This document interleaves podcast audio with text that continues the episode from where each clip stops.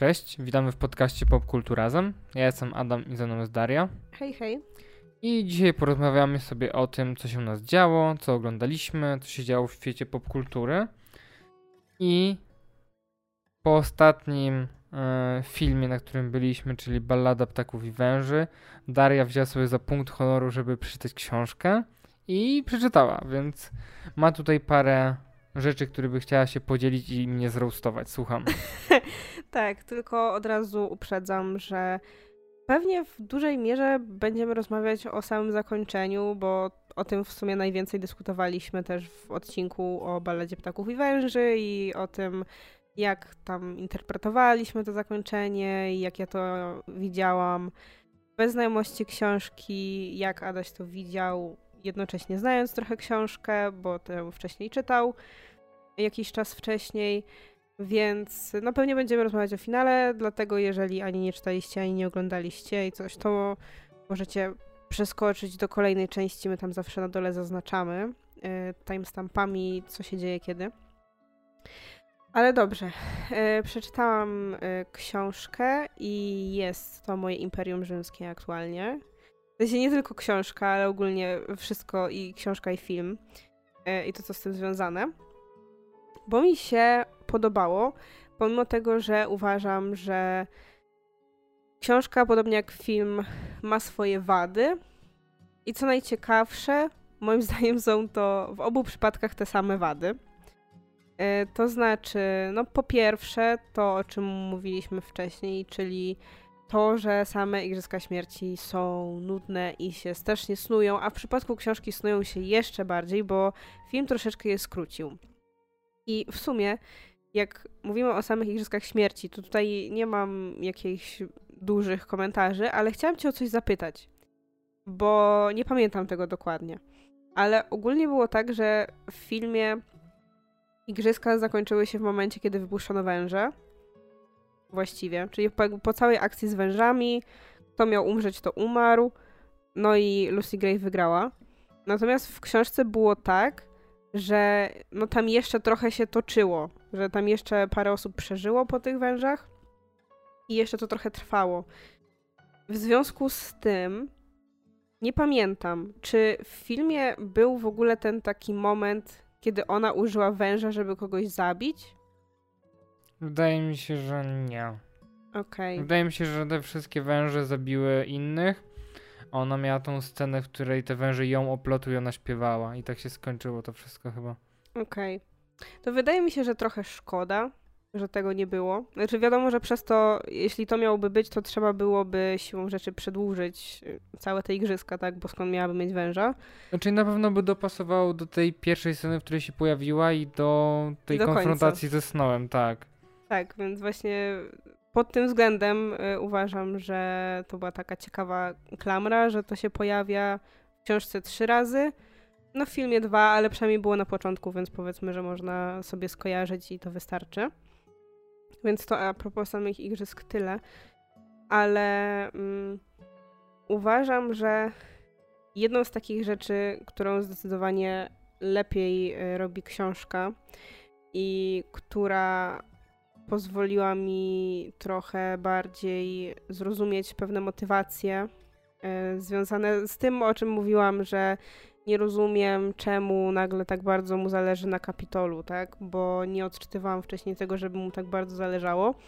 Ale wydaje mi się, że książka bardzo mocno podkreśla cały ten aspekt kontroli, który się cały czas gdzieś przewija, a wydaje mi się, że film aż tak bardzo się na tym nie skupiał czyli to jak um, i ta doktor Gaul cały czas mu właśnie wspomina o tej kontroli, że co jest potrzebne do tego, żeby było bezpiecznie, kontrola, a tak jak ja mówiłam, ja widziałam go jako osobę, która przez tę traumę wojenną z dzieciństwa bardzo po prostu szuka bezpieczeństwa i poczucia bezpieczeństwa. Wydaje mi się, że w książce też jeszcze bardziej to widać, w momentach, kiedy można wejść do jego głowy i na przykład zobaczyć, że nie wiem, chłop idzie koło lasu i nawet tego się boi, bo jest nagle w miejscu, którego nie zna i jakby generalnie boi się wszystkiego, czego nie zna i jak jest trochę dalej od miejsca, które zna zawsze.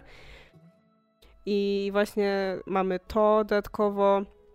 przez to, jak e, bardziej jest e, rozbudowany cały wątek e, tych ptaków, to, że on nie lubi kosogłosów, dlatego że one są owocem tego, że coś się wymknęło spod kontroli, to też jest moim zdaniem bardzo duży wskaźnik właśnie na to, że jemu tej kontroli zależy, no i w pewnym momencie widać ewidentnie, że on zaczyna, będąc w tym 12 dystrykcie i widząc, że cały czas gdzieś jakieś zalążki buntu są, zauważa i zaczyna wierzyć w to, że Kapitol jest tym, kto ma kontrolować.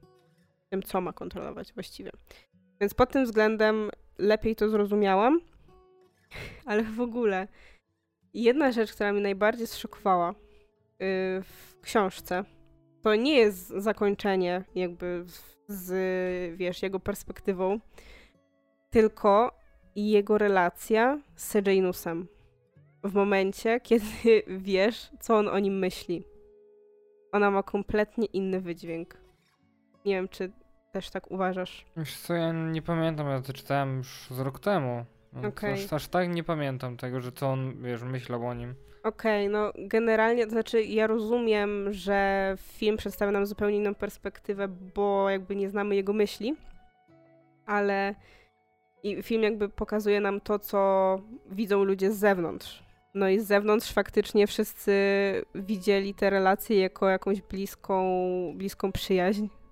Ale to, że on od samego początku ma takie po prostu pokłady pogardy do niego, było dla mnie szokujące. w sensie momentami, jak się czytało, co on o nim sobie myśli, to ja takie, Boże, weź się chłopie ogarnij, bo to już przesada. Ale ogólnie, jeśli chodzi o te myśli, to miałam troszeczkę takie wrażenie, że autorka bardzo właśnie przez te myśli starała się robić to, żeby nikt z nim nie sympatyzował. Dlatego on jest momentami po prostu tak okropny, jak się go słucha, w sensie jak się czyta, co on tam myśli. I momentami to jest aż głupie. Jak podam przykład. Jest sytuacja, gdzie oni są na jednym z tych koncertów i jedna tam z tych dziewczynek z tej trupy śpiewa piosenkę tą balladę o tej Lucy Gray. I on ma takie, okej, okay, dobra, to jest teraz ballada o Lucy Gray, muszę się skupić, muszę zrozumieć, o czym to jest. I to, jak on w trakcie próbuje interpretować tę piosenkę, to jest najbardziej po prostu urwający element tej książki. Dlatego, że on dosłownie po trzech każdych wersach musi mówić, jaka ta piosenka jest głupia, jaka ona jest bez sensu, jakie to jest debilne, czemu ktoś śpiewa o tym, że głupi ludzie wypuścili dziewczynkę na mróz i czemu coś tam, czemu to jest jakaś durna metafora. I ja już miałam wtedy, jak to czytałam, miałam takie pani Collins, ja rozumiem, że on jest zły, nie musi tego po, po mówić za każdym razem, w sensie, bo to już było dla mnie po prostu szczyt. Szczyt. Tak, to to z takich rzeczy. I co jeszcze? Ciekawe było dla mnie też to, jak bardzo ten znowu aspekt kontroli się rozszerzał też na te relacje z nimi, w sensie między nimi. I to, jak on. Czasem mu się troszkę myliło, na czym miłość polega, i trochę mu się myliła z posiadaniem człowieka bardziej niż z jakimś partnerstwem. Ale no cóż, no bywa, nie, nie każda relacja jest zdrowa. Co jeszcze? A, a propos samego zakończenia jeszcze. Jak ty opowiadałeś mi o tym, jak ty rozumiesz to zakończenie i jak ty je interpretujesz, to ja to zrozumiałam tak, że cała, cały ten atak ostateczny na Lucy Gray był bardzo takim wyrachowanym ruchem, że to było jakieś w ogóle nie wiem, w sensie, że on po prostu w pewnym momencie wpadł na jakiś po prostu arcy plan i postanowił nagle wtedy wprowadzić go w życie. Natomiast ja mówiłam bardziej, że on w pewnym momencie zrozumiał, że został zdradzony i dlatego ją tak zaatakował. Mm, no nie do końca tak jest, że został zdradzony, ale faktem jest teraz, że po przeczytaniu książki wiem, że on myślał, że było duże prawdopodobieństwo, że został zdradzony, więc pod tym względem już teraz to rozumiem. No i później my też sobie trochę rozmawialiśmy o tym, więc wytłumaczyłeś mi trochę inaczej, jak ty to rozumiałeś, ale... No, ja po prostu, wydaje mi się, że albo to, nie wiem, źle powiedziałem, albo po prostu mm, źle to zrozumiałaś. Możliwe, że tak to zabrzmiało po prostu, ale no...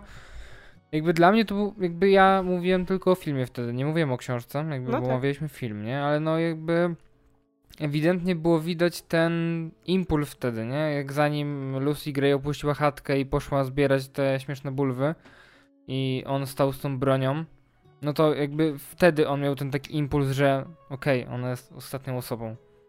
I tylko ona może, wiesz, No wiem, ale w momencie, kiedy później powiedziała coś podejrzanego, w momencie, kiedy wychodziła, to on już miał wtedy takie, okej, ona jednak pójdzie na mnie nakablować. I właśnie to było dla mnie, wiesz, na najważniejszy impuls. Nie sam fakt, że wziął tę broń do ręki, bo w momencie jakby, wiesz, on wziął po prostu broń do ręki, popatrzył na swoją babę i stwierdził, zabiję ją. Nie, nie, nie, to nie chodziło o wzięcie broni do ręki, chodzi, chodziło o to, co ona powiedziała i wtedy on miał ten taki impuls. No wiem, ale właśnie ty mówiłeś o tym bardziej wcześniej, nie? Że już jakby w momencie wzięcia broni, że on już tak zaczął myśleć. Nie, to możliwe, że źle to ubrałem słowa. Chodziło mi o to, że ona to powiedziała i on wtedy zaczaił. Okej. E, Dobra, ale e, nadal uważam, że to, jak on drastycznie zmienił się po tym, jest za szybkie. I ja tego nie widzę. Dlatego, że ja przez całą książkę, wydaje mi się, że właśnie w książce jeszcze bardziej to widać, em, widziałam go jako osobę, która jest po prostu strasznie rozchwiana. W sensie, że no, widać, że to jest młody gość i on nie wie jeszcze za bardzo, czego chce. I właśnie najbardziej mi to przeszkadza, dlatego że to nawet bardzo widać w tej sytuacji, jakby tuż przed tym finałem, bo on z jednej strony ma. To w ogóle też mnie dość rozbawiło, że on z jednej strony ma ten taki zryw i mówi: Dobra, Lucy Gray, to teraz y, wiesz, y, romantycznie będzie, uciekamy. No nie, Romeo i Julia, uciekamy w ogóle, lecimy, nie ma co czekać i jest super podjarany. Po czym jak oni odchodzą, nawet nie wychodzą poza tę przestrzeń, którą znają i dochodzą do momentu, gdzie są nad tym jeziorem i ona mówi, chodź, połowimy ryby i biorą te robaki na te ryby i on ma wtedy już takie ja pierdzielę, to jak ja wyszedłem, to ja będę musiał tak cały czas te robaki grzebać i łowić te ryby i Jezu, w sensie ja nie chcę jednak, nie? I to było dla mnie takie ja pierdzielę. To najbardziej mi pokazywało właśnie, jak ten chłop nie wie jeszcze czego chce, bo jest po prostu dzieciakiem, no nie? Więc dlatego wydaje mi się, że tak mnie nie wiem, zdziwiło, a w książce to już tym bardziej mnie zirytowało, to, że on wystarczy, że wiesz, strzeli sobie do baby i następnego dnia on już wszystko wie. On już ma plan na życie. Przy czym w filmie jeszcze tego tak bardzo nie widać, bo on po prostu wiesz, wraca i powiedzmy, dobra, jestem zły. Ale w książce ewidentnie po prostu widać to, że autorka miała po prostu plan na opowiedzenie tej historii i chciała napisać zakończenie tak, żeby nikt jej nie pytał, żeby napisała kolejną książkę, y, jakby kolejny prequel, bo nagle on, wiesz, dwa dni, czy tam kurde tydzień po tym, jak y, wrócił stamtąd i dopiero co miał rozkminę, czy uciekać, czy jednak nie chce, bo muszę robaka wyjąć z ziemi, on nagle stwierdza, że no dobra, to ja już teraz y, pójdę tutaj na studia, nigdy się nie zakocham, wezmę ślub z tamtą, bo będzie mnie wkurzać, a przynajmniej się nie zakocham, a do tego będę uzurpatorem, dyktatorem i coś tam, coś tam. I ja mam takie, okej, czyli on już w wieku tych 19 lat, po tym jak dopiero co był taki rozchwiany i nie wiedział, co się dzieje, dotarł do momentu, w którym rozwinął swoją osobowość na takim samym poziomie, taką samą osobowością będzie żył przez 65 lat kolejne. I w wieku 85 będzie identyczny. To wydaje mi się, to mnie wkurzyło w książce, bo bardzo było widać, że autorka po prostu chciała takie, żeby już koniec. I widzę teraz bardzo dużo ogólnie, wiesz, głosów ludzi, którzy mówią, że wow, fajnie jakby to się, wiesz, rozwinęło do trylogii, bo na przykład ludzie, nie wiem, chcieliby e, na przykład rozwinąć trochę wątek Tigris na przykład, nie? Bo tam to już w ogóle jest przeskok y, mega i się chcą dowiedzieć na przykład, co tam się wydarzyło, no nie? Więc jakby Susan Collins teraz nagle stwierdziła, że ona napisze tę drugą książkę i nadal musiałaby rozwijać jego osobowość, to wyglądałoby to chyba trochę dziwnie. Skoro on już jest na tym etapie, że już właściwie nie powinien się rozwijać w ogóle, bo, bo on już wszystko wie w wieku lat 19. A ona coś w ogóle pisała poza tymi igrzyskami? Do teraz? Wiesz co, z tego co ja widziałam, to ona ogólnie napisała Igrzyska Śmierci i napisała jeszcze jakąś inną taką serię, ale to chyba jeszcze dla jakiejś młodszej młodzieży książek. Ale nie wiem, czy to było przed czy po, ale poza tym nie pisała nic. Więc no, ma pole do popisu, ale po prostu yy, mówię, że pod tym względem było to dla mnie takie trochę słabe.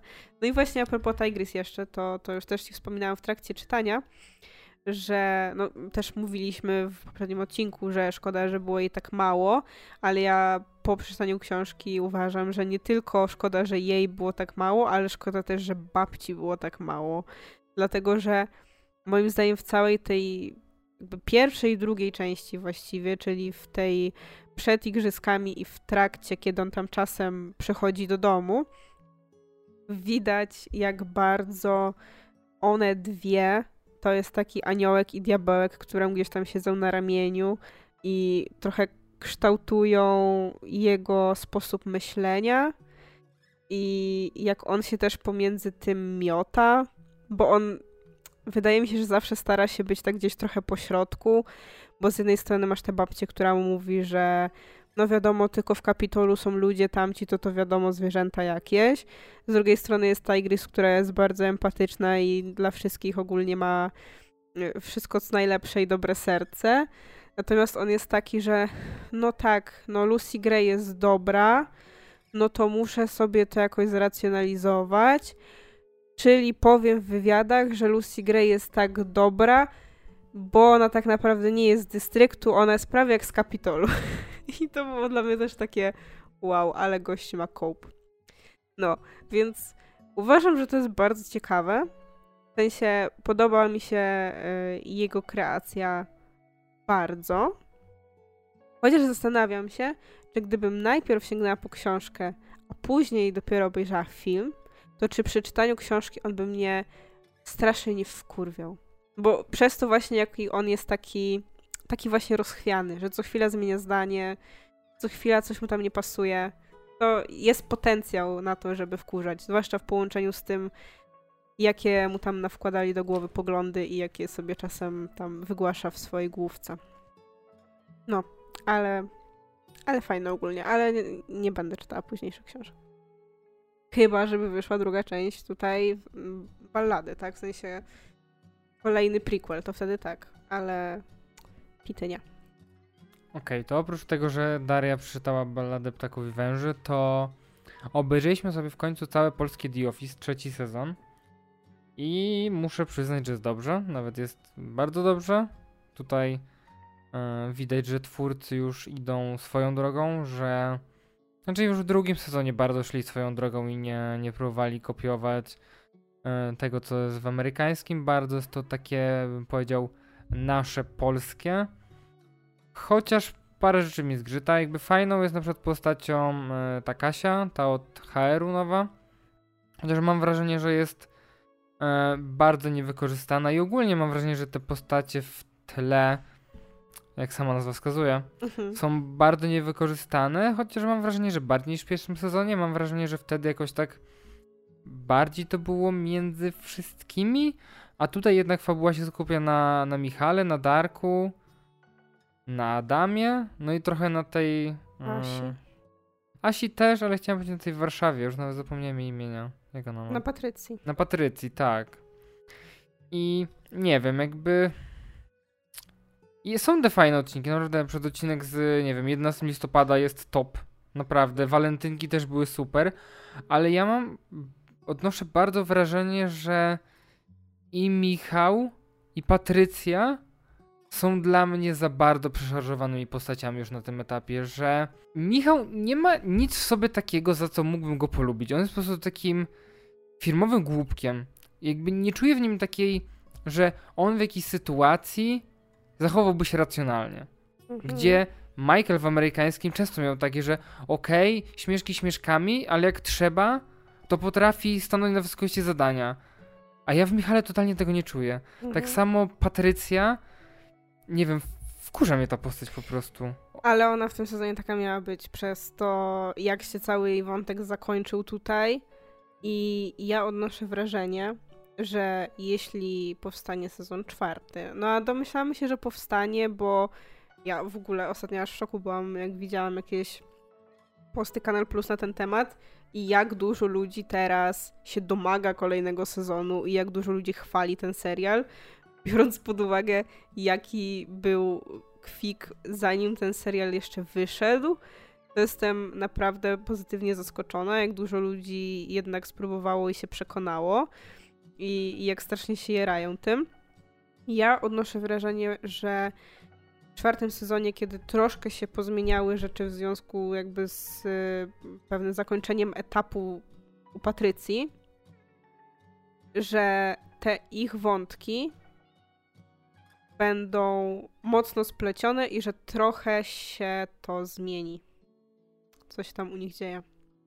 Ale a propos tego odchodzenia od amerykańskości, no to wydaje mi się, że w tym sezonie było to chyba najbardziej widoczne, dlatego że było mnóstwo odcinków, które były bardzo, w sensie dotykały tematów bardzo typowo polskich. Dlatego, że no poza tym na przykład, że mieliśmy ten 11 listopada, który był świetny i w ogóle Lewan w tym odcinku to był MVP. On ogólnie w tym sezonie jest jednym z MVP dla mnie i ogólnie jest jedną z moich ulubionych postaci w tym serialu, bo on jest trochę jak Stanley, w sensie jest tą taką postacią, która że jemu się za bardzo nie chce, ale jak już coś powie, to wiesz, to powie dobrze.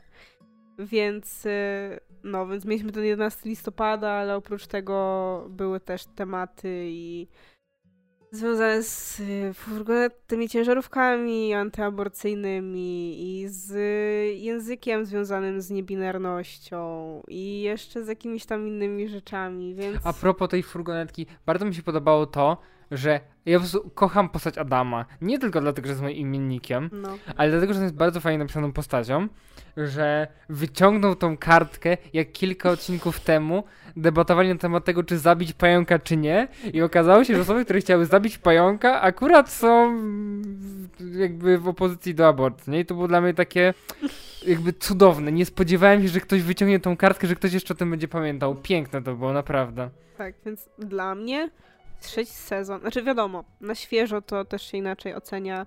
Też nie pamiętam już tak bardzo dobrze, wiesz, pierwszego i drugiego i tam wszystkich odcinków, ale mi się wydaje, że ja się na trzecim najbardziej bawiłam. Chyba właśnie dlatego, że był taki swojski. Wydaje mi się też dlatego, że był podzielony, że wychodziły co tydzień kilka odcinków, a nie była no całość naraz. I wydaje mi się, że no sitcomy powinny tak wychodzić, bo jednak ten po pierwsze humor dawkowany lepiej działa, i wydaje mi się, że dzięki temu da się zżyć postaciami. Ja mam wrażenie, że po tym sezonie lepiej pamiętam postaci ich imiona niż po dwóch pierwszych sezonach. Mm, ale też mieliśmy takie, że kurczę, fajnie się czeka, a nie takie, że no oglądamy i tak obejrzelibyśmy pewnie to w jeden dzień, byśmy to siedzieli, łe. A tak to przynajmniej mieliśmy cztery tygodnie. Teraz wyszedł ostatni sezon Reservation Dogs, niedługo pewnie obejrzymy i też będziemy tacy łe, bo wyszedł cały, a to jeszcze finał. No, więc fajnie. Mi się nadal bardzo ten serial podoba. Uważam, że jest top. No, I czekam. Na ja kolejne. mam nadzieję, że polski The Office y, za parę lat stanie się podobnie kultowy jak na przykład 13 pustynne gadomiodowe lata. Ja bardzo na to liczę i bardzo chciałbym, żeby tak się stało. I ogólnie ten serial jest jednym z niewielu, albo jedynym polskim serialem, który ma tak duży marketing i tak bardzo Mm, jakby serial wychodzi poza serial, czyli masz te posty na LinkedInach, masz tego. Na Twitterze. E, tak, Michała, który gdzieś tam odpowiada, Kropliczanka, coś tam jakieś konkursy organizują. E, mieli ten kolap z e, Kubotą, ostatnio był jakiś tam event, w którym odsłaniali pomnik tak, szefa idioty, tak jakby mhm. się wydaje takie, wiesz, i te postacie tam były i jakby aktorzy nie wychodzili z roli. Mam wrażenie, że w Polsce takie rzeczy się nie dzieją po prostu. Mm. No, wydaje mi się, że jedyna rzecz, która może przeszkodzić w tej kultowości, no to jest fakt, że takie rzeczy jak 13 posterunek leciały na Polsacie. A tu jednak to jest serial, który no jest na Kanal Plus i w telewizji jest na Comedy Central, więc nie jest aż tak, wiesz, ogólnodostępny dla wszystkich. Ale czasy się zmieniają, jakby wiesz, teraz streaming jednak bardziej rządzi no niż jasne, telewizja. No jasne, ale wiesz, no łatwiej jest trafić, y, łatwiej było trafić na 13 posterunek, przełączając sobie po prostu, jeśli jest na jednym, kurczę, z czterech najważniejszych kanałów. Przepraszam bardzo. 13 posterunek był e, koprodukcją Polsatu i Kanał Plus. No dobrze, ale był na Polsacie, a nie na Comedy Central. Nie, ale chyba był też kana na Kanale Plus. No dobrze, ale to był na Polsacie, a Polsat ma każdy, nie? Nawet jak masz telewizję naziemną.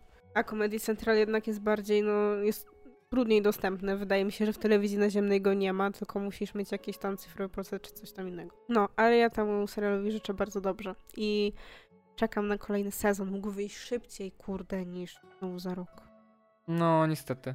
Ale a propos wyjścia, wyszło parę trailerów. Ale jeszcze nie powiedzieliśmy o wszystkim, co obejrzeliśmy, bo ja wreszcie obejrzałam Blue Beetla. E, dlatego, że jak wyszedł do kin, to ty poszedłeś tam, a mi się jakoś nie chciało za bardzo. Um, nie wiem, tak po prostu. E, ale obejrzałam sobie ostatnio, tak, żeby się zrelaksować. I uważam, że jest to film, spoko. Jest spoko na 10, tak bym go oceniła. On faktycznie, no wiadomo, jest generyczny jest generycznym origin story, ale ma parę takich fajnych elementów. Wiadomo, rodzinka jest spoko, chociaż e, uważam, że jednak nie jest to jeszcze poziom rodzinki Kamali z Miss Marvel. To, to nie jest to samo. E, ale no ogólnie rodzinka jest bardzo sympatyczna, zawsze takie relacje u mnie są na plus. E, zwłaszcza jeśli zawierają one w sobie jakąś bardzo bojową babcię. A tutaj też tak było. E, uważam, że było parę też fajnych scen akcji. To pamiętam. E, I uważam, że fajna była też muzyka. No, i to były rzeczy fajne. Jeśli chodzi o samą fabułę, no to była taka, jak widzieliśmy w większości Origin Story, zwłaszcza takich, wiesz, jakichś młodszych bohaterów, którzy są wyciągnięci ze zwykłego świata.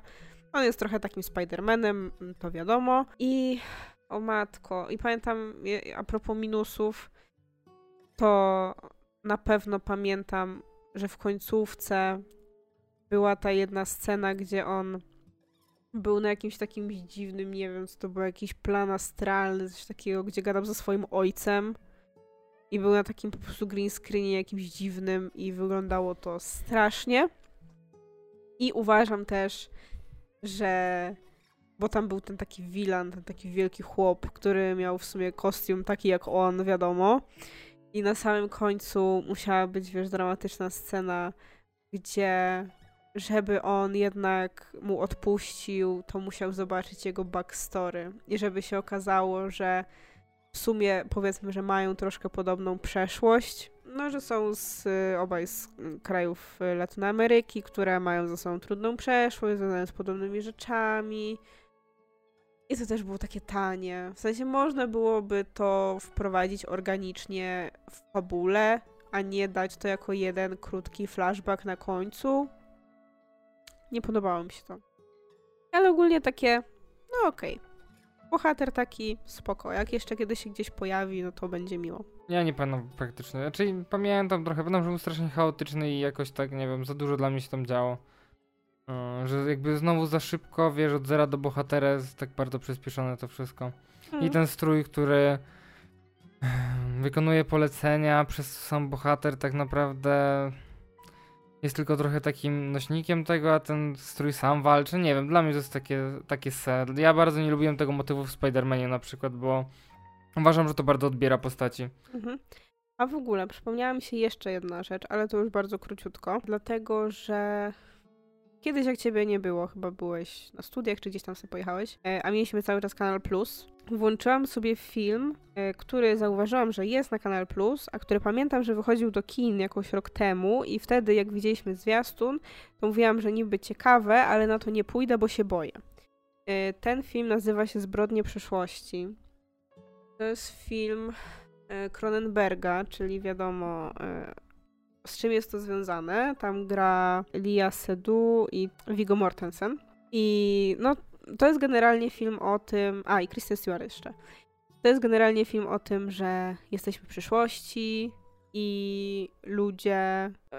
jesteśmy w takiej post społeczności, gdzie ludzie mają więcej kontroli jakby nad swoją biologią i Mortensen i Sedu grają taką parę jakichś performerów, gdzie on sobie hoduje nowe organy w sobie i potem przeprowadzają operację, gdzie ona je wycina i że to ma być podniecające. No i ja myślałam, w związku z tym, że to jest Cronenberg, który jest znany z body horroru, no to, że to właśnie będzie bardzo obrzydliwe i dlatego nie chciałam na to iść do kina. Szczerze, było to w dużej mierze po prostu nudne, a momenty, które miały być obrzydliwe, obrzydliwe nie były. Dlaczego? Dlatego, że bardzo było widać, że we wszystkich scenach operacji to było CGI. Że jak oni coś przecinali, że oni nie, nawet nie próbowali, wiesz, jakby nakładać czegoś na tą, wiesz, prawdziwą skórę, że niby tam przecinają coś, albo tak skadrować, żeby przeciąć sztucznego jakiegoś człowieka i udawać, że tam są jakieś wnętrzności czy coś takiego. Po prostu było widać, że jak sobie jadą przez tą skórę, to tu się pojawia taka sztuczna krew. I to było takie. Mm, sama fabuła była też taka dość nudna. Nie wiem totalnie znudził mnie ten film i co ciekawe, oglądałam jednocześnie później y, sobie gdzieś tam w tle też serial na Kanal Plus, który się nazywa Będzie Bolało i to jest taki serial, mini serial, tam 7 czy 8 odcinkowy, trochę powiedzmy medyczny, bo jest o lekarzu, ale no w dużej mierze jest to też taka obyczajówka. Ja bym powiedziała, że to jest takie deber, ale o lekarzach, o ginekologach trochę.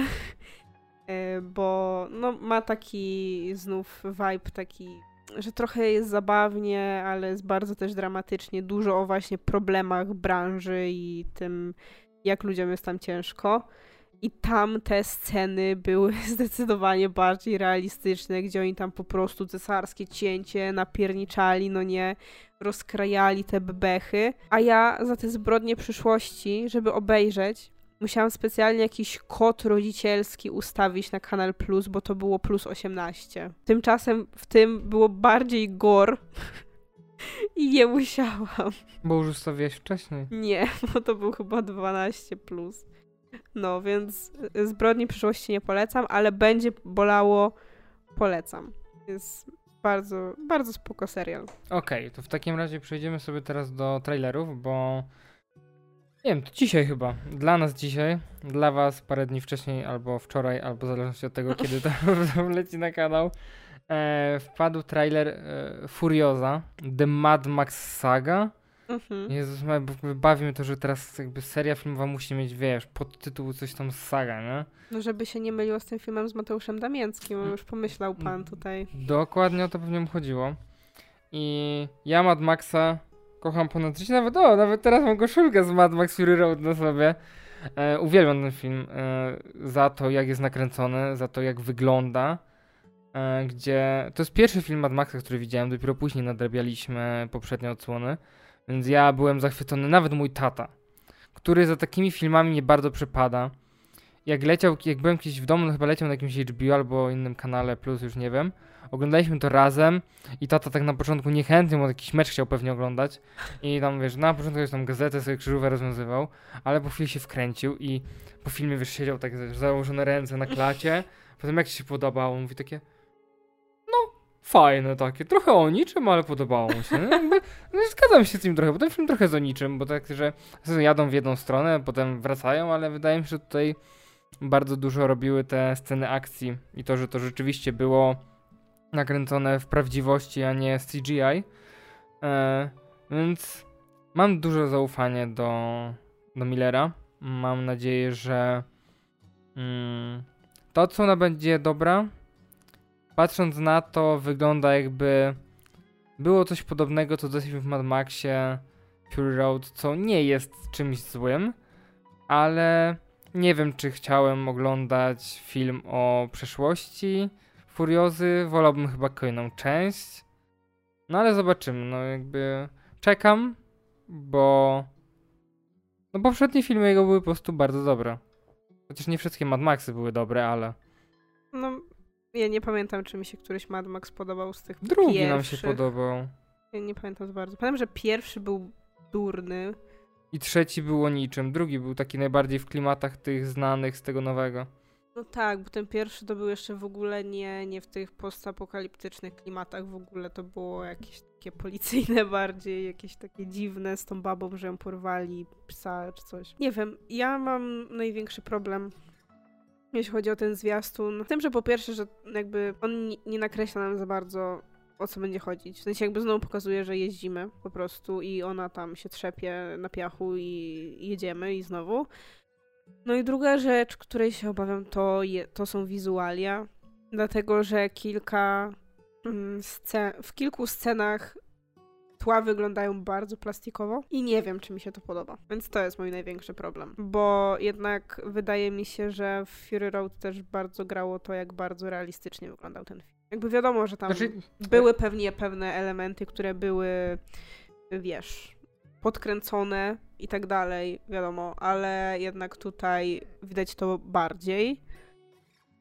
No i zobaczymy, czy to wyjdzie w stylu plastikowym, takim niefajnym, czy w takim kampowym, w klimaciku, że będzie można to sobie przyjąć. Ja nadal żałuję, że my razem nie obejrzeliśmy jeszcze Kingsmanów, bo jeżeli to byłoby coś w takim stylu, tam też jest CGI bardzo takie widoczne i kiczowate, ale to jest tak zamierzenie, w sensie widać, że taki był zamysł, więc może tutaj też chcą pójść coś takiego, jakby... No tak, no jeśli właśnie Kingsmani są kampowi, no to tak, jeśli takie miałoby założenie, to tak, ale może być też po prostu tak, że to będzie wyglądało brzydko i nie będzie miało do tego nic więcej. Chociaż Mm.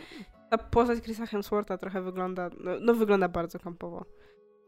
Więc może. Znaczy ja mam, ja, boli mnie trochę ta ręka, bo ona jest bardzo w CGI i ona strasznie wygląda w tym zwiastunie, ale reszta jakoś tak mi się nie rzucała w oczy. W sensie wygląda ok dla mnie ten zwiastun.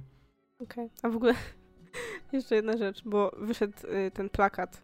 Y, dzień, jeszcze dzień przed publikacją tego trailera wyszedł ten plakat. Ja patrzę, mówię, co to jakieś chude dziecko na tym jest? A ja dopiero dzisiaj zrozumiałam, że to jest Ania Taylor-Joy na tym. Tylko No już z tą ogoloną głową. A ja po prostu myślałam, że to jest jakieś randomowe, po prostu chude dziecko. No, to tyle chciałam powiedzieć. Tak, obejrzeliśmy jeszcze zwiastun What If sezonu drugiego. Mm, nie wiem, w sensie ja mam trochę obawy a propos tego serialu. Pierwszy sezon był ok, ale nie bardzo mi się podobało to, że to się wszystko w ostatnim odcinku połączyło. Mhm. Jakby wydaje mi się, że trochę nie taki zamysł. Przynajmniej ja w głowie nie miałem takiego zamysłu. No oni musieli mieć, skoro to Tak, połączyli. tak, tak, właśnie chciałem powiedzieć, że chciałem powiedzieć, że nie taki był zamysł, ale to, to źle by zabrzmiało. W sensie ja miałem nadzieję, że trochę to inaczej wypadnie. I drugi sezon zapowiada właśnie trochę więcej tego mi się wydaje, bo i wraca ten Doctor Strange i ten Watcher mówi o tych takim e, multiversum i połączeniu, czy multiversum to jest wciąż, ale nie wiem, boję się, że to znowu wszystko się połączy w jakiś event i wolałbym, żeby za każdym razem to było kompletnie o kimś innym, a nie żeby te postacie z pierwszego sezonu wracały i miały dalsze rozwinięcie, bo nie wiem, wydaje mi się, że przez to gubi się sens tego serialu. Znaczy, w sumie za dużo nam ten zwiastun nie pokazał, w sumie podobnie jak było w pierwszym. On głównie służy temu, żeby pokazać, jakie tam będą postaci, tak naprawdę, wydaje mi się. Więc no mamy tam tych, jak ja to powiedziałam, Old Avengers, bo mamy mieć Young Avengers, mamy Old, bo jest tam Hank Pym, jest Chaka i tam jeszcze paru innych. E, Potem, no wiadomo, jest Doctor Strange, wraca Hela, Znowu był Odyn chyba. Ym, No i mamy też y, dostać nową postać, która tam się pojawia na końcu i to ma być postać oryginalnie stworzona w tym serialu. Ta, ta rdzenna Amerykanka, która Aha, ja myślałem, że to jest echo po prostu. Nie, to okej. jest postać stworzona na potrzeby serialu. No, więc premiera serialu będzie jakoś w święta? Tak, z tego co pamiętam, mamy 9 odcinków i mają wychodzić przez 9 dni aż do świąt, jeden dziennie. Aha, aż do świąt. Ja myślałem, że od świąt do Sylwestra. Nie, do świąt. Okej, dobra. Więc tak to wygląda. I jeszcze jeden zwiastun. Najważniejszy. Jak mogliśmy o nim zapomnieć? Ja nie wiem, jak to mogłaś o tym zapomnieć. Tutaj scenarzyści najlepszego filmu wszechczasów, który zarobił morbilion pieniędzy. A nie mówiliśmy o tym już? O zwiastunie Madame Web? Kiedy mieliśmy mówić? Mi się wydaje, że nie. Okej, bo ostatnio gadaliśmy w sumie o pojedynczych rzeczach, to możliwe. No, więc wychodzi Madame Web i nie wiem. Dla mnie ten zwiastun wygląda. Chaotycznie. Po pierwsze, znaczy, mi się podoba montaż walk. Ta, ta pierwsza na pewno jest ciekawie zrobiona. No to jedna. Tak. To walk. Ten kostium Walki. Wilana jest okropny, jest bardzo spidermanowy, co totalnie nie pasuje do tej postaci. Mhm. E, te postacie też wyglądają jakoś tak. No pokazali je tak w nocy, żeby nie było widać za bardzo. No, no wiem, ale ta, ta moc i jakby. Ludzie już tam mówili, że. O, szukać przeznaczenia tylko w Spider-Manowym uniwersum. Twórcy powiedzieli, że nie, to nie będzie szukać przeznaczenia. Ale trochę tak to wygląda. Mhm. Nie wiem, ja mam takie. Pewnie pójdę, żeby się pośmiać, ale boję się, że nie będzie się z czego śmiać tak jak na Morbiusie. Ej, ale ja pamiętam, że my przecież na Morbiusa aż tak bardzo nie narzekaliśmy. On miał swoje plusy. W sensie nadal był taki z kijem w tyłku, Był durny po ale, prostu. ale miał swoje fajne jakieś tam elementy nawet. Dlatego ja mówię, że no w tym I też nie chodzi wygląda... mi o Mata Smitha, który tańczy do bardzo dziwnej piosenki. Dlatego ja mówię, że w tym zwiastunie też widzę fajne elementy, a po prostu boję się, że ten film będzie durny. Nie wiem, jakby ja nie mam żadnych odczuć co do niego. Miałam tak, obejrzałam, było to strasznie dziwnie zmontowane, strasznie jakieś takie chaotyczne, za dużo się tam działo, za dużo było tego cofania w czasie, przychodzenia, coś tam, nie wiem, zmęczyło mnie, zmęczył mnie ten zwiastun, ale film, no, w filmie pewnie nie będzie się aż tak dużo działo na minutę, więc zobaczymy, ale no nie, nie czekam. Dobrze, to teraz przechodzimy sobie chyba do newsików i tak, może zaczniemy sobie od polskiego poletka, bo zaczęliśmy od polskiego The Office, to teraz możemy sobie powiedzieć o dwóch małych rzeczach. Nie zaczęliśmy od polskiego The Office. No dobrze, ale chodzi mi o to, że jak zaczęliśmy mówić o rzeczach, które oglądaliśmy. No, zaczęliśmy od polskiego The Office, więc mamy dwie informacje związane z serwisami streamingowymi i tym, co tam się dzieje. Jak pewnie wszyscy już wiedzą, HBO Max przejdzie bardzo poważną zmianę, to znaczy będzie się nazywać Max, a nie HBO Max, bo tak. I e, ostatnio em, pojawiła się informacja, no, że Max pojawi się w Polsce też w przyszłym roku, bo w Stanach już działa. E, w związku z tym też e, pojawiła się taka wypowiedź e, pani, która jest prezydent and managing director Warner Bros. Discovery w Polsce, e, która właśnie mówiąc o HBO, o Max właściwie, a nie HBO Max, powiedziała o tym, że będą tam rzeczy z Warner Bros. Discovery, z HBO, Max Originals oraz, że będą tam produkcje TVN-u i produkcje oryginalne, które będą tworzyć razem, co sugeruje nam, że pewnie dostaniemy więcej polskich seriali po Bring Back Alice Ja jednak. słyszałem, że jeszcze ma być tam Eurosport. E, a to nie liczy się do Warner Bros. Discovery? O może, może. Po prostu to wydaje się takie... Jak Cartoon Network. Okej, no Znaczy- tak, w sumie, może tak być. Dobrze, to jedna rzecz. A druga rzecz jest e, związana z Netflixem i Znaczy jeszcze a propos Max, y, słyszałem jakieś tam plotki, że prawdopodobnie to ma ruszyć w lipcu przyszłego roku, ponieważ y, dużo wskazuje na to, że chcą się wyrobić przed transmisją Igrzysk Olimpijskich, Okej. które będą w Paryżu, które tam są jakoś chyba w połowie albo pod koniec lipca, więc e, jest to duże prawdopodobieństwo, że chcą zdążyć wprowadzeniem tego w Polsce, żeby to już działało. Okej. No dobrze, to druga rzecz związana ze streamingami dotyczy Netflixa i jest trochę na odwrót w związku z Maxem, bo tutaj mówiliśmy o tym, że pewnie będzie więcej polskich rzeczy. Natomiast Netflix anulował y, dwie polskie rzeczy, które miały wyjść. E, pierwsza rzecz to jest ciekawy twór. Miał powstać film przygodowy k- pod tytułem Lady Janosik. Więc domyślamy się, o czym miał on być. E, Miał być dosłownie o nastolatce, która spotyka na swojej drodze bandę górali e, i miała oczywiście nawiązywać do legendy o Janosiku, którego znamy ze starego serialu, wiadomo. E, Ale jednak ten, ten film do skutku nie dojdzie z jakichś powodów.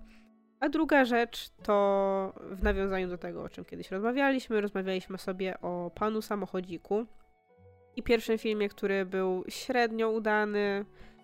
Podobał nam się tak, e, nie bardzo. Był no, bardzo dużą średniawką, nie wiedzieliśmy dla kogo to jest i tak dalej. Ogólnie ludzie też raczej nie odebrali go dobrze. I pomimo tego, że powstał już scenariusz do drugiego, który miał być em, adaptacją kolejnej książki Pan Samochodzik i Tajemnica Tajemnic, e, no to nie dojdzie on do skutku. Czy mnie to dziwi? Nie. Szczerze, nie. Znaczy, no na pewno trochę szkoda, bo jednak nie mamy tych produkcji młodzieżowych za dużo. Ale ja też nie widziałem, żeby ktokolwiek rozmawiał o tym filmie. Nie widziałem jakoś, nie wiem, dużo opinii, nie widziałem za dużo recenzji. Więc no pewnie nie dziwi to, pewnie też nie było za dużo oglądalności, bo mam wrażenie, że marketing tego filmu trochę nie istniał. Mm. Jak gdybym się nie interesował po prostu popkulturą i tymi rzeczami, to bym nawet nie wiedział, że to wyszło. No, no szkoda na pewno, bo to jednak mniej produkcji, ale może, nie wiem, te pieniądze i ten czas pójdzie na coś innego, ciekawszego. To kolejna rzecz. Yy, znów w nawiązaniu do Warnera. Yy, dlatego, że tam się ostatnio działy bardzo ciekawe rzeczy, bo wiadomo, zaslaw go na zaslaw, więc co on musi zrobić? Musi się coś odpisać od podatku, wiadomo, bo to jest jego ulubione zajęcie. Tym razem pan y, David postanowił odpisać sobie od podatku film Coyote vs. Acme, czyli film o kojocie, którego znamy z Trusia Pędzi Wiatra, tak? tak? Tak się nazywa po polsku ten zwierzak. A kojot nie nazywa się kojot. Tak, ale nie nazywa się to, to chyba Kojot i Struś Pędziwiat, tylko po prostu Struś Pędziwiat zawsze był centrum, tak mi się wydaje. Nie pamiętam. No ale dobrze. Y, Więc generalnie y, stwierdzili sobie, że a odpiszemy sobie od podatku ten film. Tylko okazało się, że trafiono tym razem na złych ludzi, bo ludzie, którzy tworzyli ten film, nie dość, że są trochę duzi, bo na przykład y, scenariusz do niego pisał m.in. James Gunn, to ogólnie widać było, że twórcy byli bardzo zdeterminowani, żeby ten swój film ratować. Na początku było tak, że jakoś tak parę dni po ogłoszeniu tej informacji o wywaleniu tego do kosza, ludzie, którzy pracowali na planie, zaczęli wrzucać różne materiały z zakulis, na przykład na Twittera, gdzie pokazywali, że jak tutaj super się bawili, jaki super miał być film, żeby ludzie się mogli podjarać i się tym zainteresować. A co na to robił Warner? Blokował za prawa autorskie te wszystkie filmy, e, więc ludzie jeszcze bardziej się denerwowali. No i po paru dniach jednak Warner postanowił się zreflektować, no i stwierdził, że dobra, to wy weźcie sobie ten film i sprzedajcie se go. Nie ktoś inny to po prostu kupi, my tego nie będziemy wrzucać. No i e, po mm, kolejnych paru dniach pojawiła się informacja, że już jest zainteresowanie, że zainteresował się i Amazon Prime, i Apple, i Netflix, czyli właściwie wszyscy najwięksi gracze w branży streamingowej. Oprócz Disney Plus. No tak, oprócz Disneya. E, I że miały się odbyć już pokazy tam takie testowe, żeby oni mogli zdecydować, czy to kupią. Czy ostatecznie podjęto decyzję, kto to kupi? Nie, wydaje mi się, że nie było takiej informacji, ja nie czytałem nic takiego. Też mi się wydaje, że nie. Ale ciekawe. W sensie podobało mi się obserwowanie tego wszystkiego i jak bardzo szybko musieli gasić ten pożar, który im się zapalił pod dupą. Tak, jakby podoba mi się to, że w końcu Zaslawowi się oberwało, PR-owo, bardzo mi się wydaje, że to było bardzo głośne, że nie było tak jak przy Bad Girl czy przy e, Scooby-Doo, Mhm. że jakby, o, odpiszemy sobie Elo i tyle z tego i nikt jakby nie o tym nie gada. Rzeczywiście ktoś tutaj się mu postawił. Jeszcze ten Scooby-Doo chyba gdzieś ostatecznie wyszedł później, tak mi się wydaje, Nie że wiem, czy- tego Scooby-Doo się jakoś udało odratować po cichu. Okej, no to ale no po cichu, jakby ja pamiętam to, albo, że... że, albo że ma to wyjść. No, więc ja pamiętam, że to miało zostać odpisane od podatku. Mm, jest to, to y, beznadziejne i jakby czytałem też, że bardzo dużo twórców e, filmowych po prostu postanowiło odwoływać zaplanowane spotkanie z Warner Bros., gdzie mieli mieć negocjacje co do tego, jak, jak Warner miałby finansować ich produkcję. I dziwię się, że dopiero teraz, Mhm. a nie, że przy okazji Bad Girl Czy, no powiedzmy Skubiego, ale wydaje mi się, że Batgirl było tym takim najdroższym filmem, który sobie odpisali od podatku. Więc... No tak, bo E. wcześniej to wiadomo, Nolan zauważył, co tam się odwala i on miał możliwość i środki, żeby sobie po prostu iść i powiedzieć im, żebyście się walili. Znaczy, no, Ale no mniejsi twórcy raczej nie mieli, więc... Ale no wydaje mi się, że Batgirl już była wielkim znakiem, wykrzyknikiem, że lepiej tam nie iść. No tak, no Nolan odszedł wtedy, jak wrzucili mu film na streaming bez konsultacji z nim, a nie do kina i tyle, nie? Chyba, że to było i w kinie, i na streamingu naraz, nie pamiętam już. Bo to był ten 2020. Te- mm, Tenet? Tak. Więc nie wiem, czy to było i w kinie, i na streamingu jednocześnie, czy tylko na streamingu. Nie, chyba razem. My na pewno byliśmy tym w kinie. O, możliwe. No, No. więc jakby to, to, to jakby u niego y, było takim kliknięciem, że jednak z Warnerem już nie warto współpracować.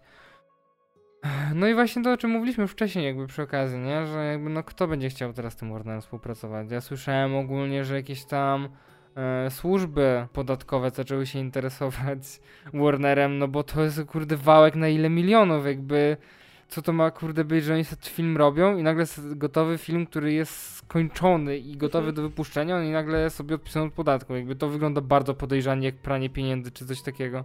Tak, z tego co pamiętam, to była jakaś informacja, że jakiś kongresmen się tym zainteresował i że będzie to gdzieś tam dalej zgłaszał. No i się nie dziwię, bo wydaje mi się, że to jest zdecydowanie coś, czym trzeba się zainteresować. No tak, bo to wygląda bardzo podejrzane. Ja rozumiem, że Warner ma problemy finansowe, no ale to może nie wiem, niech nie finansują tych filmów, żeby potem je odpisywać. Jakby to jest taki dla mnie absurd i tak niezrozumiałe, nawet w kontekście biznesowym, no bo jak skoro ten film już jest skończony i wydane są pieniądze, nie wiem, nie wiem, może jestem po prostu za głupi na to. Nie wiem, wydaje mi się, że bardziej by im się opłacało od razu sprzedać to po prostu, ale... Ale kto wie, nie wiem. Ale z takich milszych rzeczy z DC, e, czy tam z Warnera, no ale z DC, dostaliśmy od Jamesa Gunna informację, że kolejne osoby są zakastingowane, tak się mówi? Zatrudnione. zatrudnione e, do jego nowego tworzonego uniwersum DC. I dowiedzieliśmy się, że Maria Gabriela de Faria będzie grała Wilankę w Superman Legacy Mhm. i będzie ona się wcielała w The Engineer, Aha. który ma być jednym z kilku antagonistów, no bo w komiksach ona jest częścią drużyny e, The Authority. Mm. Ja już mam takie, jakby była też informacja, że The Authority ma dostać swój film. Jakby ja słyszę o tych kolejnych castingach i to się pojawi w tym Supermanie. Chciałbym ufać Ganowi. Naprawdę chcę ufać Ganowi, że on wie co robi, że to będzie dobry film, ale dla mnie budowanie tego uniwersum, przepraszam, że to powiem, ale wygląda jak budowanie uniwersum e, potworów Uniwersala. Że robimy mumię, ale w tej, mumie, w tej mumii jest wszystko oprócz mumii. Mhm. I boję się, że tak będzie, że on wiesz, będą zdjęcia, kurde, ostatnio nie wiem, dziesięciolecie? Nie dziesięciolecie, nie pamiętam, ale iluś, lecie tego zdjęcia, że Tom Cruise, John Depp, wszyscy mieli zdjęcie, że będą grali. No. Powstał jeden filmik, nie grał, nie? Jakby boję się, boję się tego, że to pójdzie w tą stronę, że to będzie film o Supermanie, ale w tym będzie wszystko i będzie po prostu początkiem budowania uniwersum, przez to ten Superman gdzieś tam po prostu zginie i zamiast dostać dobry film o Supermanie, dostaniemy po prostu pierwszy odcinek serialu filmowego i tyle z tego będzie. Z drugiej strony ja po prostu trochę odnoszę wrażenie, że Gunn objął taką taktykę, że przedstawi aktorów, którzy wystąpią w każdej roli, włącznie z cameo, które będzie trwało 3 sekundy. I dlatego nam się wydaje, że tego jest tak dużo i też nie uważam, że to jest dobra taktyka, bo jednak jest tego za dużo. I właśnie mamy przez to takie przeświadczenie, że Boże, ile tam tego będzie. Ale z takich miłych rzeczy też. e, Nicholas Holt w końcu doczekał się e, roli w DC. Nie udało mu się być Batmanem, nie udało mu się być Supermanem. Zostanie Lexem Luthorem. Tak się mówi, że możesz y, coś tam zostać bohaterem, albo żyć tak długo, aż zostaniesz vilanem. Coś tam, coś tam. Dokładnie, to jest origin story po prostu Villana, tak? Mamy tutaj idealne, idealny przykład. No i jest informacja, że mają wejść na plan Supermana w marcu i premiera jest zaplanowana na lipiec 2025. Okej, myślałam, że przyszłego roku myślałam, że ci No porąbałam. nie, no bo zakładam, że Superman to tam CGI trochę No musi to być. wiem, dlatego tak to zabrzmiało. Więc nie wiem, czy czekać. Mam obawy. No ja no mam jakąś wiarę w Gana jeszcze. Jeszcze mam. No zobaczymy, no musimy poczekać te półtorej roku Mhm. na film. Chyba, że będą jakieś jeszcze obsuwy, ale mam nadzieję, że nie. E, chciałem w ogóle tutaj wspomnieć o, mm, o Avengers The Kang Dynasty. Mam wpisane tutaj, ale mam wrażenie, że tak zgubiłem wątek tego, bo tam jest tyle zawirowań.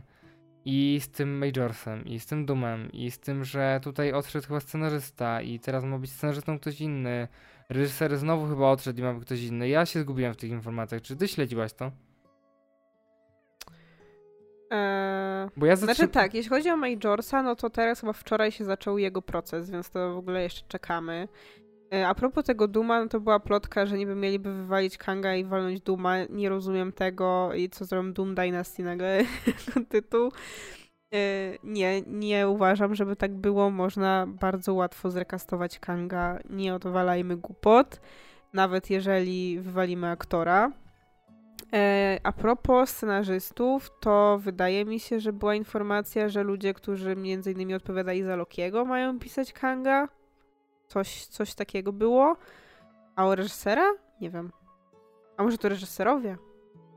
Którzy odpowiadali za Lokiego. Coś takiego. Mówię, Jacyś ludzie od Lokiego mają robić Kanga. A tam nie było też takiej informacji, że ten chłop, co Shang-Chi robił, miał robić te Kangdę? Tak, ale to już dawno odszedł. No Ale to było ze względu na jakieś tam inne rzeczy, a on będzie nadal robił Shang-Chi drugi, drugiego. Nie, że odchodzi w ogóle i elo. No, więc dlatego mówię, że tam jest takie zawirowania, ten film powstaje, czyli ten film będzie miał premierę pewnie za jakieś 8 lat, więc pewnie No jeszcze więc gdzieś... na razie nie ma co się przejmować, Boże, niech tam gotują sobie.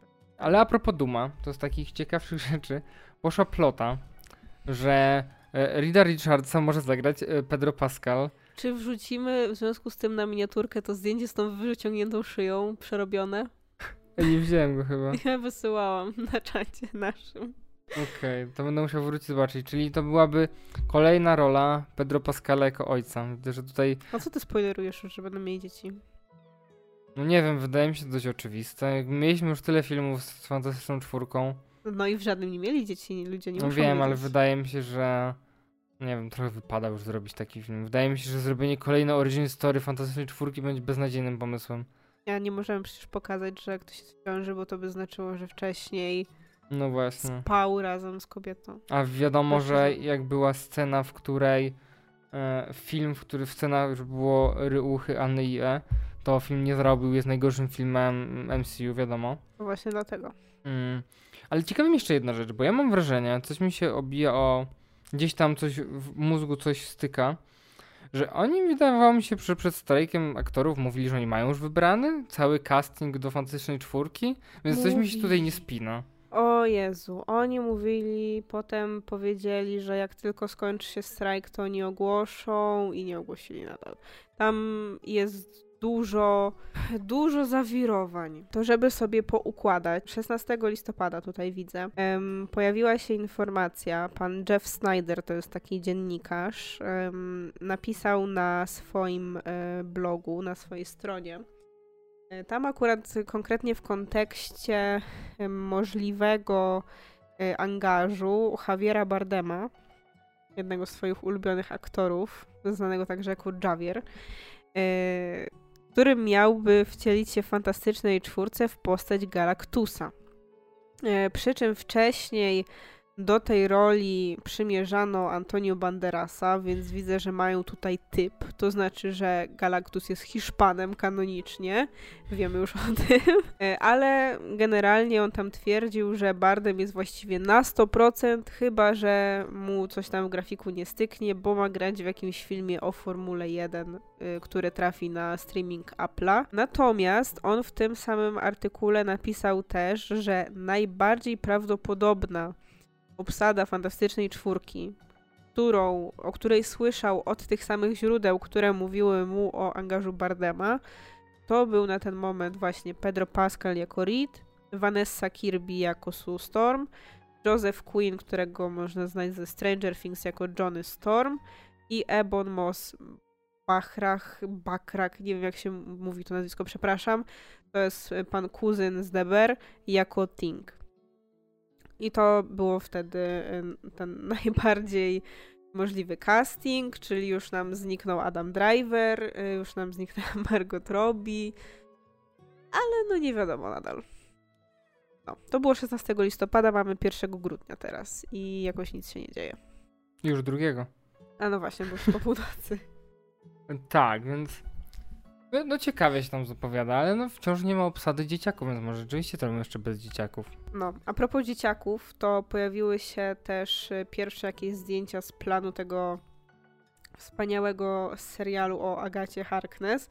I na zdjęciu można było zobaczyć znanego nam z Heartstopera aktora Joe Locka, któremu, o którym mówiono, że miałby grać y, starszą wersję jednego z synów y, Wandy i Visiona, który nie pamiętam jak się nazywa. Y, tego, co jest Wiccana, tak? On tak się ma taką ksywę, o ile dobrze pamiętam. Więc tutaj coś nam się potwierdza ploteczka. Ale nie interesuje mnie za bardzo ten serial. I jeszcze mam jedną rzecz a propos Marvela na koniec. E, to bardzo świeży news. Bardziej e, pan Bob Iger e, popisał się wczoraj, bo generalnie mamy aktualnie w Disneyu kampanię pod tytułem Wszystko, co złe w Disneyu i w Marvelu to The Marvels. Czyli wszystko zrzucamy po prostu na ten film, dlatego że teraz akurat mało zarobił. I oczywiście nie zwracamy uwagi na kwestie takie jak to, że był strajk aktorów, nie można było promować tego filmu wcześniej, bla bla bla bla bla, no nie, i inne tego typu rzeczy. Tylko najpierw zrzucaliśmy wszystko na reżyserkę, bo postprodukcję robiła zdalnie, potem było o tym, że jest okropna, bo nie przyszła na imprezę w związku, na jakiś pokaz premierowy, na którą, jak się okazało, nikt jej nie zaprosił.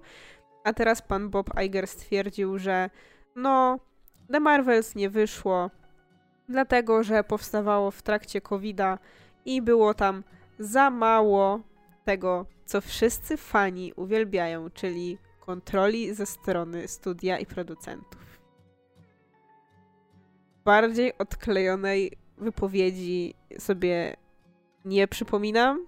Czyli, czyli powiem tak, wydaje mi się, że akurat ta odnoga Marvelowa wydaje się taką, która ma bardzo mało, znaczy bardzo dużo kontrolował to Fajgi, dużo się o tym mówiło i nie tylko Fajgi.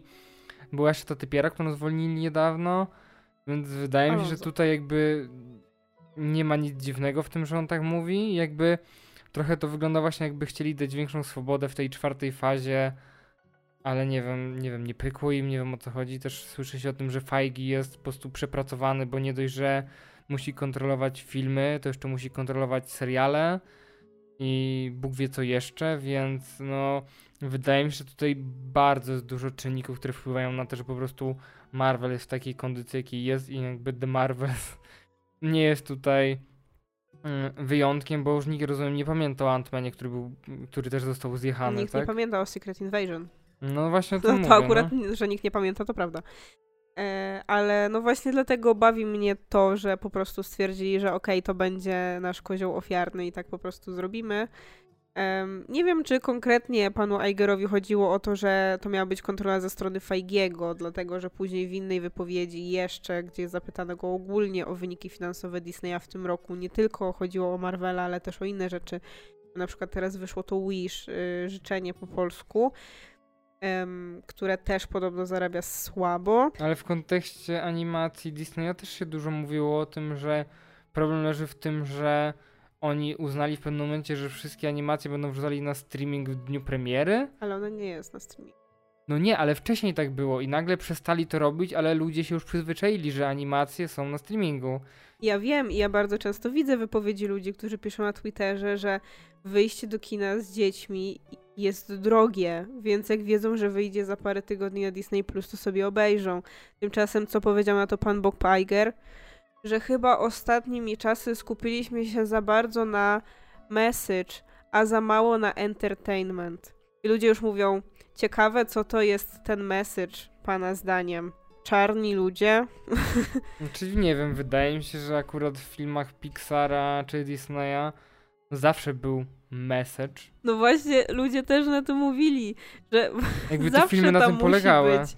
To są filmy dla dzieci. Zawsze musi być w nich jakiś morał, bo o to chodzi chyba w filmach dla dzieci, że mają czegoś uczyć. Ja kojarzę, że wszystkie takie bajki, które ja lubiłam, zawsze miały jakiś przekaz.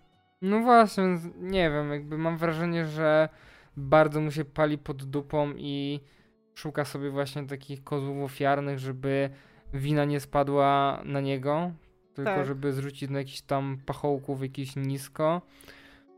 No i znowu dziwi, znaczy, chciałem powiedzieć, że dziwi mnie, że ktoś w ogóle chce z nimi współpracować, ale no nie bardzo w tym poletku Hollywood masz inne opcje, jak nie, jak nie Warner, to Disney. No ale też jeśli chodzi o animację, no to albo Disney, albo Pixar. Na Pixar jest Pixar Disneya. z Disneya, no, No. tak. No masz jeszcze jakieś tam DreamWorks i, i parę innych studiów, ale jednak wiadomo, że Disney i Pixar były jako takie żyły złota znane trochę, nie? W sensie, że jak chcesz dostać nagrodę czy coś takiego, no to wiadomo gdzie. No, więc przejdziemy teraz do trochę smutniejszych rzeczy. Chyba już, cały czas było smutno. tak. ale do jeszcze smutniejszych rzeczy. No tak. E, I chyba już ostatnie informacje na dzisiaj. E, na jakiś czas temu dostaliśmy informację, że Melissa Barrera została wyrzucona z krzyku. I to było bardzo dziwne, bo jednak była jedną z głównych, ról, z głównych postaci, tak, w tym filmie. Ogólnie była główną bohaterką. Tak, potem dostaliśmy informację też, że Jenna Ortega nie wystąpi w kolejnej części Krzyku i ja mam takie... Okej, to jakby kto, kto tam zostanie niedługo, jak tak dalej pójdzie. Jakby wiadomo, że aktorki to jedno, mm, że nie wiem, czy one do końca tak ciągnęły tą serię. Wydaje mi się, że tutaj jednak reżyseria i scenarzyści e, robili większą robotę. E, ale patrząc na to, dlaczego zostały wyrzucone, Znaczy, Jenna Ortega nie została wyrzucona, żeby była jasność.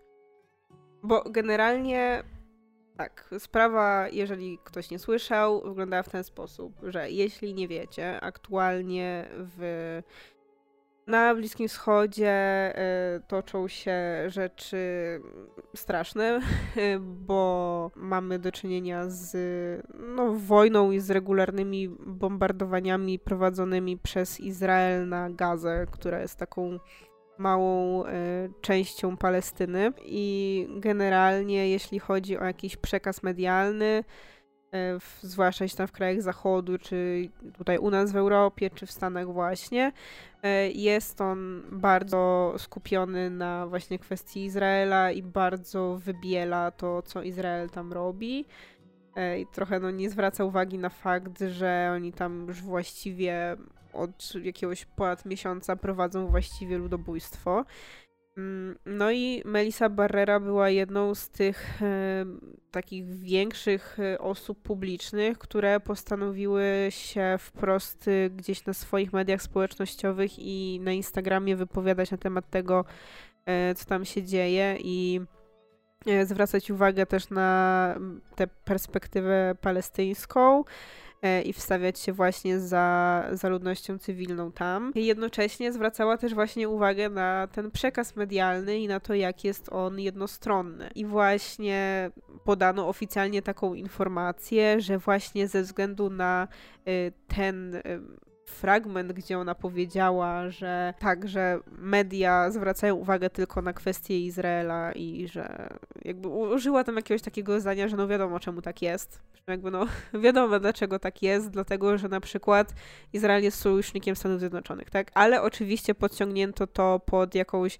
antysemicką teorię spiskową, bo taka jest trochę mm, taktyka, y, żeby po prostu wszystko wrzucać po, jako łatkę antysemityzmu i tak dalej, więc za to ją y, wyrzucono. Natomiast jeśli chodzi o samą Jenę Ortegę, no to oficjalnie znów podano informację, że ona nie pojawi się w filmie ze względu na swój terminarz, na to, że będzie kręciła Wednesday ale kolejny propos, sezon. ale a propos terminarza, to ludzie się śmieją, że jakiego terminarza, skoro nie ma zaplanowanych zdjęć krzyku jeszcze.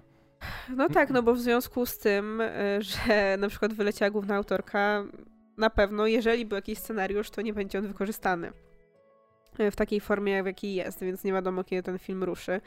Więc oczywiście wiadomo, że ludzie zaczęli sobie dopowiadać, że jednak to, był, to było takie odejście w solidarności z koleżanką. No wiadomo, oficjalnie jest inaczej, ale możemy się domyślać. Znaczy wiesz, odejście solidarnie z koleżanką to jedno, ale jeżeli miała kontrakt na siódmy, to wydaje mi się, że nie mogła sobie za bardzo pozwolić na to, żeby odejść, chyba że rzeczywiście już ma taką pozycję, że, że wydaje, mogła się postawić. Wydaje mi się, że Jenna Ortega jest jedną z, jedyną z tych aktorek, które tam są. W sensie ogólnie z tej obsady, która może sobie na to pozwolić. No. Bo ona jest aktualnie na takim topie, że spokojnie sobie coś innego znajdzie. Natomiast jeżeli chodzi właśnie na przykład o, o resztę tam aktorów, którzy byli w, jakby w tej paczce głównej, wątpię, że oni mogliby sobie na coś takiego pozwolić. No, no i jakby widać, że to jest bardzo pochopna decyzja, bo mówiło się o tym, że reżyser tego mm, filmu dowiedział się o tym z mediów i też wyraził no tutaj, że bardzo ubolewa nad tym, że studio podjęło taką decyzję bez niego i że no, nikt go o tym nie poinformował i że teraz jakby, no w sumie sam nie wie, co dalej robić, tak jakby ten wpis też było, że został usunięty z Twittera po tym, mhm. Tak, ale to też było dlatego, że ludzie sami się trochę na niego wkurzyli na zasadzie, że zamiast y, stawić się w tym momencie za nią i coś na ten temat powiedzieć, to on napisał coś w stylu no mi jest też smutno, nie zaczepiajcie mnie. na takiej zasadzie trochę, że skupił się na sobie, żeby ludzie się jego nie czepiali w tej sytuacji, bo może sobie pomyśleli, że, że to jego wina, więc trochę na takiej zasadzie. Ale no, wydaje mi się, że trochę coś się też w tej sprawie ogólnie rusza, bo wczoraj chyba poszła właśnie informacja, że ponad 1300 aktorów podpisało jakiś list otwarty, w którym właśnie wspominało o tym, jak e, są uciszani w związku z całą tą sprawą i jak grozi im się właśnie wywaleniem z pracy, jeżeli okażą solidarność z Palestyńczykami. To się wydaje po prostu takim absurdem i jest w sumie no, porąbane. Więc, ale no widać, że jeżeli tyle osób się zebrało i to tam były duże nazwiska, bo tam na przykład Olivia Colman, e, więc jeżeli takie, wiesz, duże nazwiska są w stanie się gdzieś tam odezwać, to może trochę się to ukróci. Gdzie jakby to nie jest taka sytuacja, że Hollywood nie pozwala w ogóle wypowiadać się na temat y, tej wojny, Mhm. Tylko to jest bardzo jednostronny przekaz, no bo na przykład widzimy sytuację, w której jeden z aktorów Stranger Things e, wrzucał e, parę filmików na TikToka czy na Instagrama, już nie pamiętam, chyba na story na Instagrama, e, w której no ewidentnie nabijał się z ludobójstwa, co jest okropne. Mhm. I jakby Netflix tylko powiedział, że no, będziemy się mu przyglądać. I to jeszcze było co... jakiś parę tygodni po tym, jak tam ten filmik wyszedł. Tak, więc jakby widać, że tutaj nie jest tak, że mm, Hollywood nie chce mieć nic wspólnego z tą wojną, żeby nikt się nie wypowiadał, żeby aktorzy, wiesz, nie mieli swojego zdania, tylko po prostu widać, że to jest bardzo mm, jednostronna, nie? że w jedną stronę można się wypowiadać, ale z drugą już nie. Mhm. I gdzie są ci wszyscy obrońcy y, wolności słowa i cenzury? Znaczy powiem tak, trafiłam na jeden artykuł, to był chyba jakiś e, Movies Room czy coś takiego, przy czym nie czytałam samego artykułu, ale przeczytałam nagłówek i był żenujący. Dlatego, że on dosłownie napisa napisali coś na zasadzie, że yy, no, że wyleciała, bo jest antysemitką. Czyli dosłownie jakby no, powielili tę narrację, gdzie ktoś stwierdził, że tak, to jedno zdanie to jest antysemityzm, więc typiera jest antysemitką i za to wylatuje. I oni napisali to samo i ludzie byli za. Mówią, cze, czemu ją wyrzucili? I ja też jestem antysemitą, czemu ją wyrzucili? Ale jakby no... Cały, cały ten konflikt jest teraz, wiesz, porąbany, bo z jednej strony masz ludzi, którzy zawsze byli antysemitami i się teraz cieszą, bo mogą być na przykład nimi otwarcie. Z drugiej strony nagle ktoś tam zmienia teraz stronę, bo teraz można być islamofobem, nie wiem. To ciekawe dla mnie to, że film web napisał ciekawy e, nagłówek, bo tam była a propos tego, że Melissa Barrera została wyrzucona z krzyku za mowę nienawiści, coś takiego, nie? Aha. I w komentarzach było, że Jezu, jak oni mogli, lewactwo w tym Hollywood i coś takiego. Ja wiem takie, wow, ewidentnie ci ludzie nie przeczytali tego artykułu, tylko no przeczytali tak, ten nagłówek, no, nie? Oni, no właśnie, ale tak samo było tam, że jakby ludzie przeczytali, że no jest antysemitką, więc uznali po prostu, że nie wiem, to była sytuacja w stylu Ginny Carano, która obraża osoby trans wprost i ją wywalają i oni wtedy, ale ja też jestem transfobem, nie mogą mnie wywalać, no nie? I oni tutaj też tak samo, ona jest antysemitką wyrzucili, ja No. też nie, nie lubię tam tych i tamtych, nie powinni jej wyrzucać. Przy czym jakby to jest bardzo zniuansowany temat i przedstawienie tego właśnie w taki sposób, że ona jest antysemitką, jest po prostu głupie. Jakby fajnie, że się ktoś za nią wstawi, ale zupełnie bezmyślnie i powielając znowu jakieś inne szkodliwe narracje, nie? No, więc czekanie teraz na Krzyk 7 jest e, obarczone bardzo dużym e, Niesmakiem. bagażem i niesmakiem, tak. I szczerze, nie wiem, czy chce mi się oglądać ten Krzyk 7, nawet jeżeli miałby być, nie wiem, super i niesamowity, to patrząc na te kontrowersje, nie wiem, czy będzie mi się chciało go oglądać. Podobnie nie wiem, czy będzie mi się chciało oglądać finałowy sezon Stranger Things. Zobaczę. Ale wątpię szczerze, więc mam mnóstwo seriali i filmów innych, więc to, że sobie nie obejrzę tego czy innego, mam takie, no, no to trudno, jakby nie muszę, jakby nie jestem zmuszany do oglądania tego serialu czy filmu, więc no, po prostu sobie go pominę. No, chociaż akurat wiesz, wydaje mi się, że w przypadku krzyku mamy do czynienia z zrąbaną postawą ze strony studia. I jeśli chodzi o studia ogólnie, no to problem jest taki, że jest bardzo małych, mało studiów filmowych, które są normalne. Się, które nie robią syfów. No jakby no cały czas wiesz, gadamy i o Warnerze, i o Disneyu i Ja tak tak zakładam, że nie ma żadnego, bo to jest korpo, które jakby jest nastawione tylko na pieniądze. No, Znaczy, no tak, tyle. wiadomo, no, strajk na, strajki na przykład pokazały nam, że są niektóre studia, które potrafią, e, wiesz, wyjść e, do, do swoich pracowników e, z normalnym podejściem i że potrafią się z nimi dogadać i potrafią im normalnie płacić. Co nie znaczy, że jednocześnie są etyczne we wszystkich sytuacjach, bo tego nie wiemy tak naprawdę. No, ale to wiadomo, że trochę zweryfikuje na pewno. Mówię, wydaje mi się, że po prostu jeśli chodzi o ca całe studia, to trudno jest wybierać takie, które są e, normalne, ale jeśli chodzi o nieoglądanie konkretnych twarzy, to już trochę inna sprawa, nie? No, to prawda. No, szkoda. Bardzo szkoda. Mm. Więc to tyle na dzisiaj w odcinku. Zakończyliśmy bardzo smutno. Mhm. Ale no niestety tak aktualnie wygląda branżunia, bym powiedział, więc no. To tyle na dzisiaj. Czekamy na wasze komentarze. Mnie wszędzie w internecie można znaleźć pod nickiem Adaś Alex. Mnie natomiast możecie znaleźć na facebookowym fanpage'u Ocieplanie wizerunku Skandynawii o skandynawskim kinie i na książkowym Instagramie Daria Podłoga OWS. I do usłyszenia. Cześć. Pa, pa.